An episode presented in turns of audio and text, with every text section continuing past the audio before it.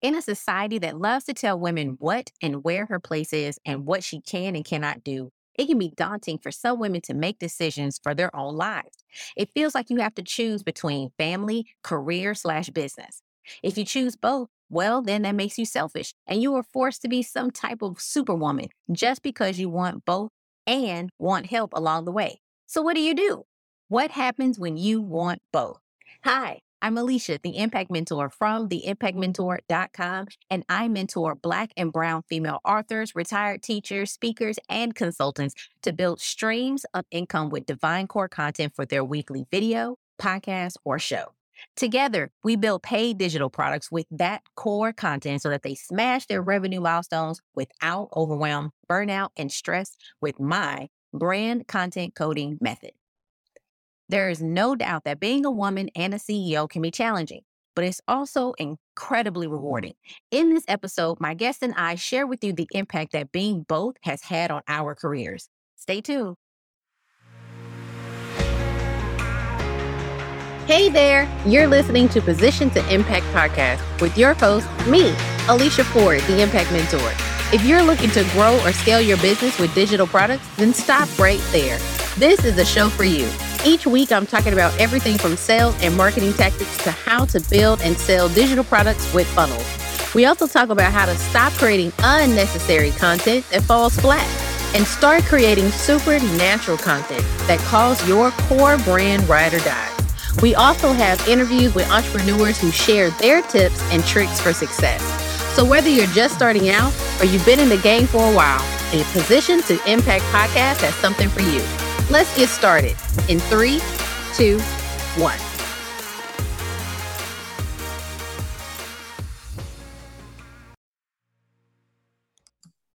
Okay, we are back. Welcome back to the podcast. And I'm super excited because we are we are going to be talking about the impact of being a woman and a CEO.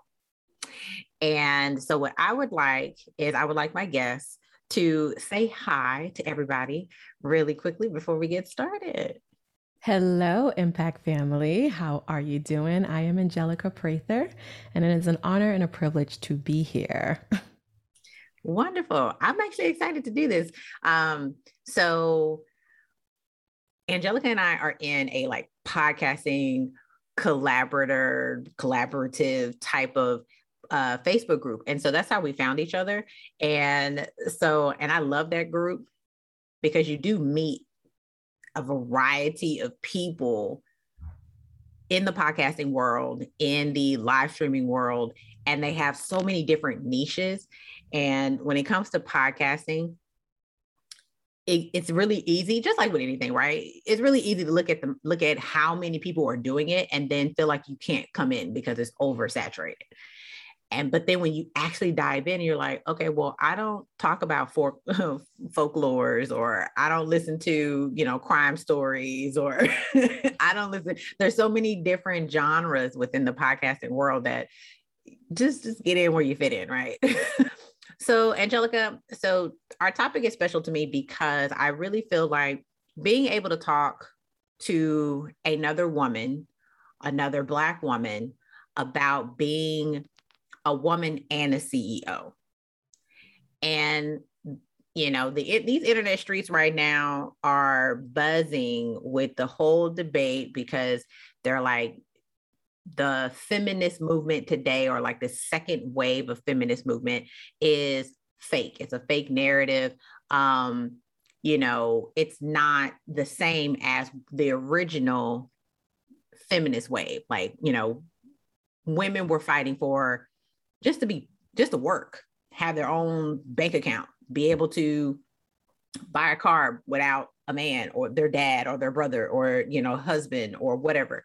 And now it's evolved to where we can do all those things, mm-hmm. but I feel like there's so many different conversations of, and it feels like you have to pick one side or the other.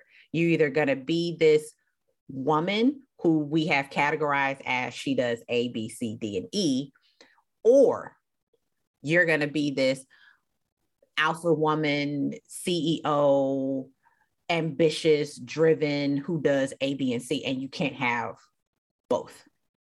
And maybe my ear is is a little bit closer to the street just because I'm still single. So I still so I still hear some of these conversations, though I try very hard to just boot them out.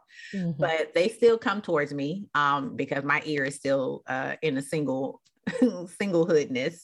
Mm-hmm. But when you think about being a woman and a boss in your own right, what does that entail to you? Well, to be totally transparent, I think that that had evolved because when I was in my 20s, a boss or a CEO, I had the privilege of being um, an entrepreneur all throughout from literally almost teenage years to where I am today. And that, you know, being a boss has transpired over the course of years. And being a CEO or being a woman for me, and I still have my ears to the streets because I have a lot of single friends. Um, but one thing for me that stands out is being a woman in CEO is just knowing who you are, what you stand for, and where you desire to go. So I'm not looking to the right or the left when it comes to being a woman in power. I think of community, and I'm only the best CEO because my community around me um, really helps me to elevate. I wouldn't be where I am without women, other women, really seeing the gifts and the talents and the aspirations to get here. So when you hear Angelica Prather, you there is a lot of weight that carries with me being a CEO. And that is on the shoulders of other people. So I don't believe in taking this feminist approach of it's about me. I'm a boss. I'm a CEO. When I walk into a room, you're going to meet Angelica Prather first. But along comes with a community of people. Um, and so that's just kind of my thought process when it comes to being a woman in power or in position. Um, I don't think that you could do business alone. I didn't get here just because I'm just this amazing person. Um, it took people to imprint, to um, pour into, uh, for me to get to a place of being a true CEO. And I have so many different thought process about being a CEO. Um, and but we can unpack that. So that's just my thought process when it comes to being a woman in business and a woman CEO. That's just one of my things. Yeah. So kind of what I what I took from what you just said is like it's merged. You don't there's no way really to choose one or the other. Yep. It's it's gonna entwine regardless. Yep. And as long as you continue to separate them, you're actually going to have a negative impact, or you're not going to get that fulfillment or truly delivering your purpose mm-hmm. like you want to because you keep trying to separate your identity when it's together. Yeah, your identity is directly a correlated to your purpose. And you can be a CEO at home and you could be a CEO in your personal life. And it's like, it's just the chief executive officer. So, what are you walking in? Um, I'm Angelica Prather. I'm a mom. I'm a wife. I'm all of those roles. But there comes a point where CEO might have a team to actually help her execute all those things. And then at home, I'm not doing it alone, right? So it just depends on um, how do you want to separate those two, right? Um, and what your thought process, your mindset about CEO. Some people immediately hear CEO and they're like, oh, I'm a boss. It's like, boo, have it, have it your way. like, however you want, have it your way. But realistically, um, you have to understand it comes with a cost what is it going to cost you to walk with that? Um, you know everybody wants to be a ceo everybody wants to be empowered everybody wants to you know make an impact but it comes with a cost. So what is it going to cost you? Is it going to cost you relationships? Is it going to cost you um, even your business? Is it going to cost you just not aligning yourself correctly with your morals and values? Like it comes with a cost. So i always say be cautious what you ask for because you never know And that's so true. And you know, as you were talking, what what came to me is I've been running my own business for seven years. Mm-hmm. And it has been the biggest personal development experience, experience of my life. I have, I can literally go back and I can see who I am every single year till now. And I am definitely not the same person I was seven years ago. Mm-hmm. I'm not mm-hmm. even the same person I was three years ago. Mm-hmm. And what what comes to me when I think about being a woman and a CEO is it's very easy to get caught up in what media tells you um, what this is supposed to look like. Mm-hmm. what being a CEO and a woman looks like, what a boss looks like, you know, of course, because then you start seeing, I don't, okay, so here, social media has a has a tendency to kill imagination. So let, let me explain that. In one way, it can spark inspiration, right? Mm-hmm. If you're seeing somebody, if you have an interest in going down a different niche or in entering a different market and you find somebody in that market who, who's doing very similar to you and you're inspired by what they what their content is, how they talk to their clients, yes. So then that sparks you to do what you need to do. Perfect. But in the flip side of that, what ends up happening is you actually end up making a bunch of copycats mm-hmm. and mm-hmm. and mimics mm-hmm. and so for example it's when you see the what the media portrays about what the inside of a of a female CEO's house is I keep seeing I keep feeling like we're all having the same house. Mm. We all like the same aesthetics. we all like the same color palette. And it's like, do you really like that?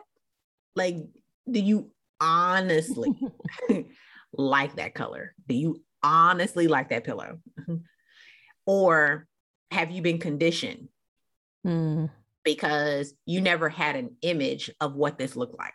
Mm-hmm. So you picked an image because you're like, okay, well, this is what I think this looks like. So this is what is it is I'm a strive for. But then you get there and you don't even really know if this is what you really like. Mm-hmm. And I say that to say also because I'm a millennial and I'm in my 30s, late 30s. Mm-hmm. And mm-hmm. um, you know, the road in this whole like coming out of college right when the the first you know you know economic pitfall happened and not mm-hmm. being able to have a job even though you've been able you've been sold this dream of go to school get a degree and you're going to come out of school making at least $40000 mm-hmm. and i can honestly tell you in my entire employee career i've only had one job that's ever paid me more than $40000 Wow. Everybody else has been below that. Mm. And it's and it's like it's been very difficult to kind of wrap my brain around but you know because you're like i'm college educated i'm college educated this is what i thought this would be and then mm. it didn't work out that way wow. and when it comes to being a ceo that's literally what it's been it's been this is what i thought it would be but then i'm here and why don't i feel fulfilled Wow. Um, that's a lot that you said, and I can unpack it because I've been an entrepreneur coming out of out of high school. Um, I did work for salons and they did pay me very well. So, by trade, for those who don't know, I was a um, hairstylist and I worked in multicultural salons. So, I had the opportunity to understand both sides of the work environment, you know, the the opposite of like working like a slave behind the chair and then also showing not to work like that, to work less and generate more. And like you said, when you're, I didn't, I was not, when I was coming up in the, in my particular field and niche, I was not, I didn't have social media. So my business built on relationships. And I think what social media has did was glamorize what a CEO, what a boss does. But I never I never forget my first boss ever. And I really didn't have many bosses, thank God. Um, but my first boss um, taught me about negotiation, the power of a dollar, and really how to make less in a more kind of setting. And I didn't get it at that time because I was so young. But as I worked in another salon, I think I worked in a total of three salons for with a boss. And then the rest of my entire career has been entrepreneurship. And so fortunately for the last 15 years, I've been an entrepreneur. And like you said, social media kills the imagination. But because I didn't have that, now I use social media as a tool.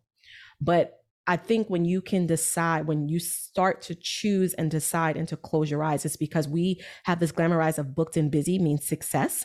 And it actually means broke and burnt out. And when you are literally watching someone and scrolling all day, you forget who you are and you start sounding like other people. So I have a good balance of like social media doesn't define who I am. My relationships, my network is more important than what it looks like, right? Because I was extremely successful as a hairstylist and I generated, I worked really, really late, um, really, really less, I'm sorry, really less, like I didn't work a lot and I generated over six figures religiously.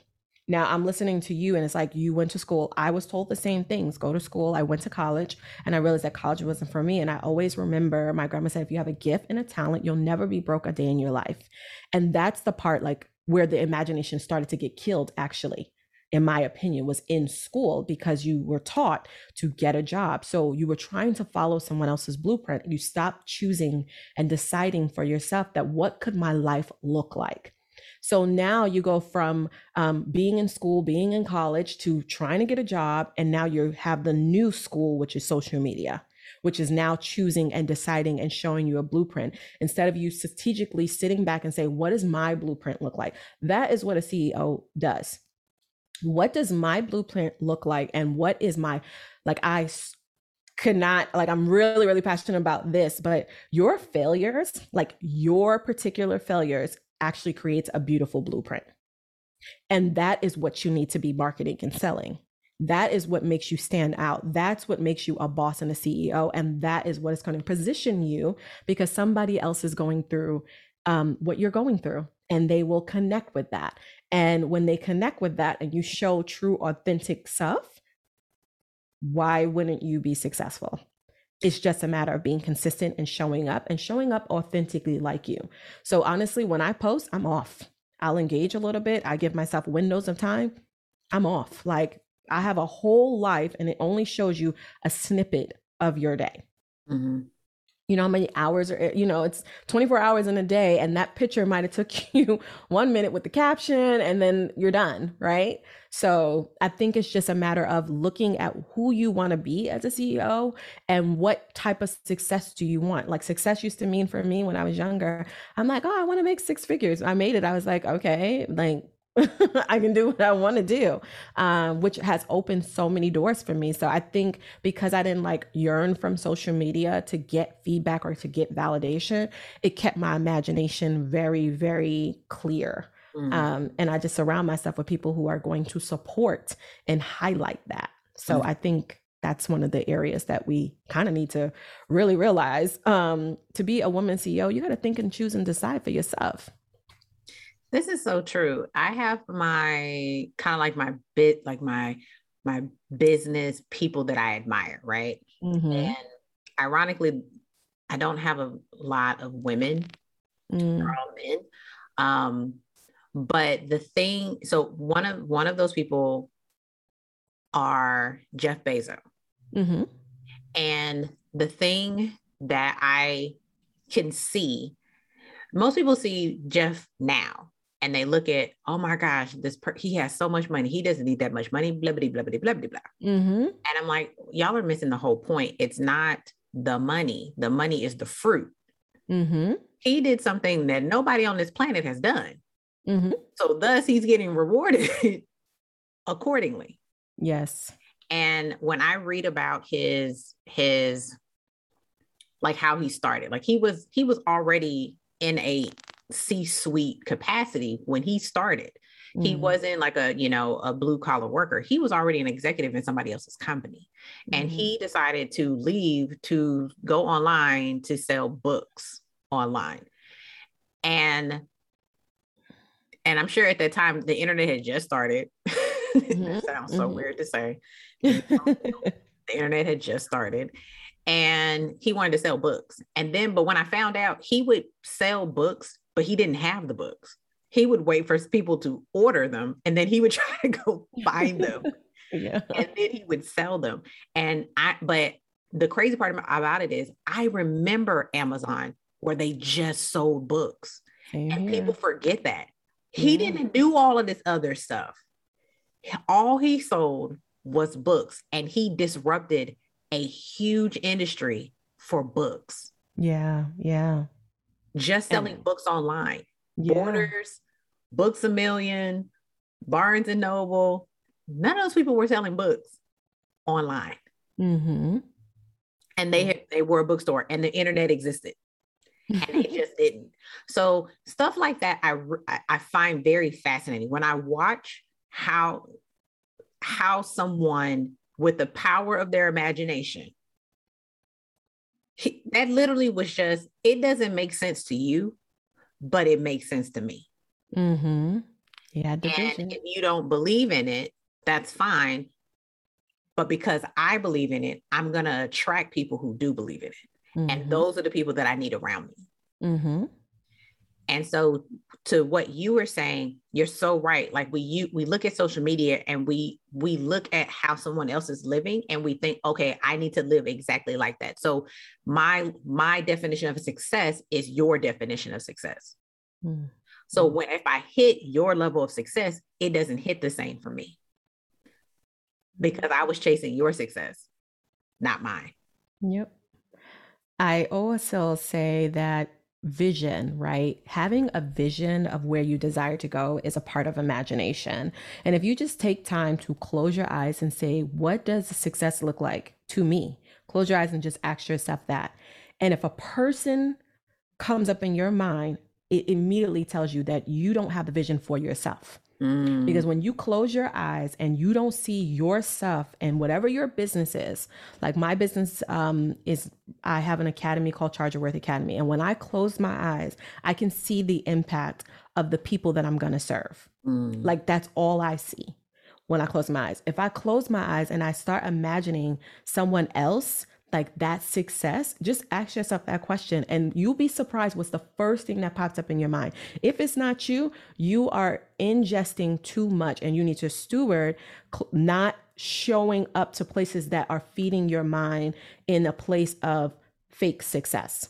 Mm. Right. And so a lot of times what we are watching, what we are doing, even like down to TV, and I know this, like, I love I love my shows and I'm very strategic, but I even had to realize that if if I wanted to get to a place of what success meant like for me, I had to eliminate, subtract. And it's only subtracting for a short period of time, but when you listen or talk to anyone who has reached their pinnacle of success, look at they how they spend their day. You'd be surprised. They're not on social media. they're surrounded in conversation with people. So they are literally using their ears, but their eye gates are only um, ingesting things that really, really matter to them. And so while you're in a place of building whatever that success looks like, literally subtract what you are ingesting visually even audibly. Like I don't listen to a lot of people that are in my same exact competitor space. And the reason why I don't um, is because I don't want to stop adapting their ways. Absolutely. I don't want to adapt anybody's ways. I want my word. I'm from Brooklyn, New York and I got a little a little swag with me, and um, I'm definitely going to go ham sometimes. So I don't want to sound like anybody else. I don't want to be polished like anybody else. But I also am a woman of faith. So I merge those two worlds. And my academy, they're going to get both sides. It's like I'm going to go in, but I'm still love up on you.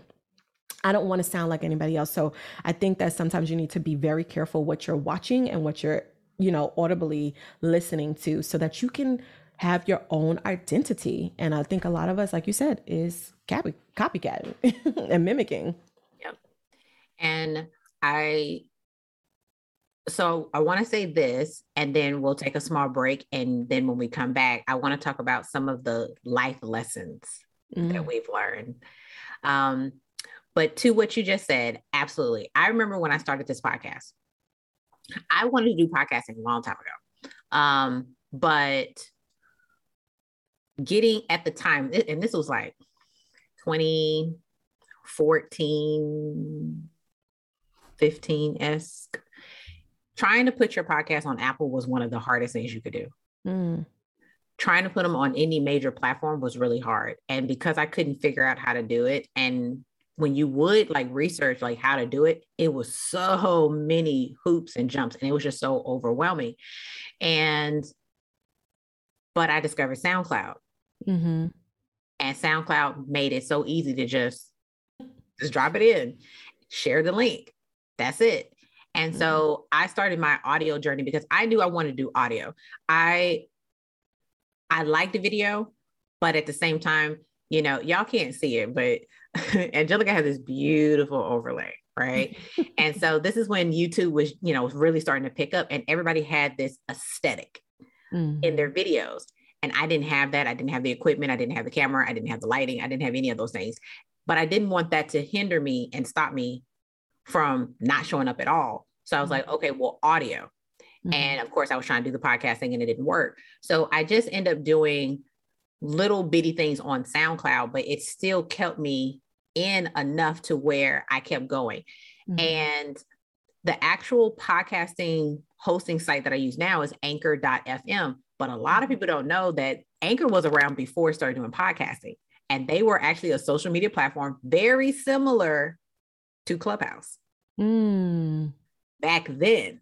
Wow. It was an audio platform, but what it was is that it didn't let you get on stage, so to speak. It was you could make a up to two minute audio clip and post it and people could find it look at it listen to it and they could respond to you but they can only respond to you in 60 seconds oh okay that so way like stories kind of but like a yeah mm-hmm. and but you could still have conversation with them because you could talk back but it, it allowed people not to just be long-winded mm-hmm. they had to say what they had to say in 60 seconds and then their mic got and then it, you know it, it timed out okay. so i would get on that platform and because it was an audio and then of course over time so now fast forward when anchor turned into a podcasting site i was like yes we're here because because Periscope had already been out by that point.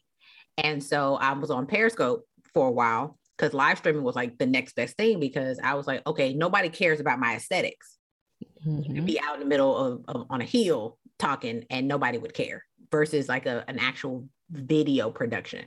Mm-hmm. So, but then when I got that neat that that Kindle to go back to podcasting, I came across Anchor again. They had changed their whole platform. They're like, oh, no, we do podcasting. Here's how you can do it. Here's how we'll help you. You just give it to us and we'll distribute.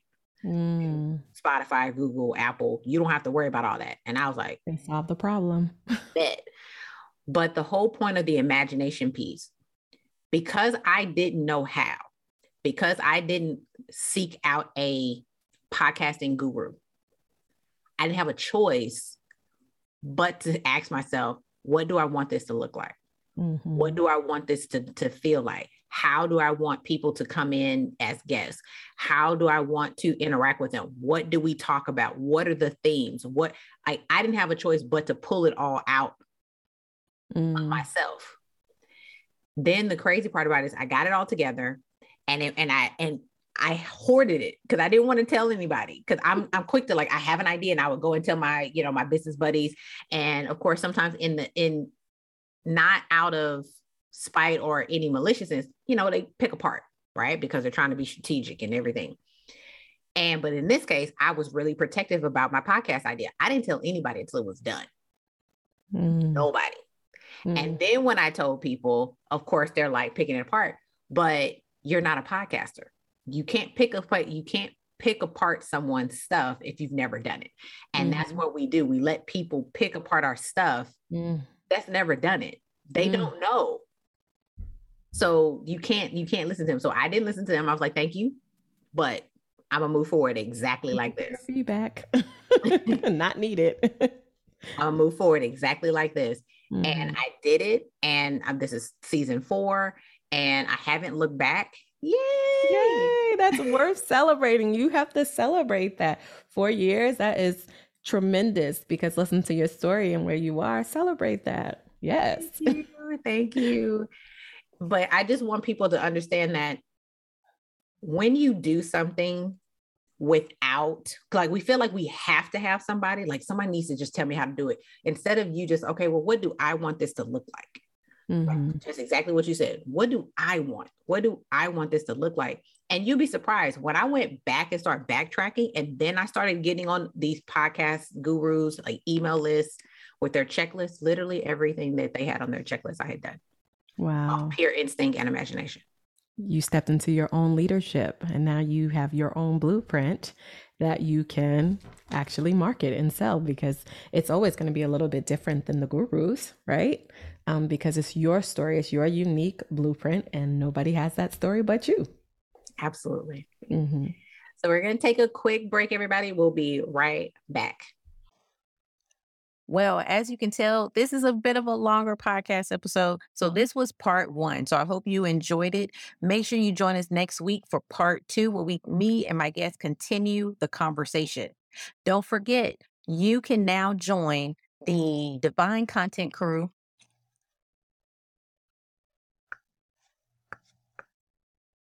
Remember, if you're struggling to make content that attracts a wider audience and engage them in the way you want, it might be time for you to join the Divine Content Crew. Join the waitlist. Once you get inside and once we open the doors, you can develop content that is on brand, on message, and drives results for only $1.97 a month. So click the link in the show notes and come on over.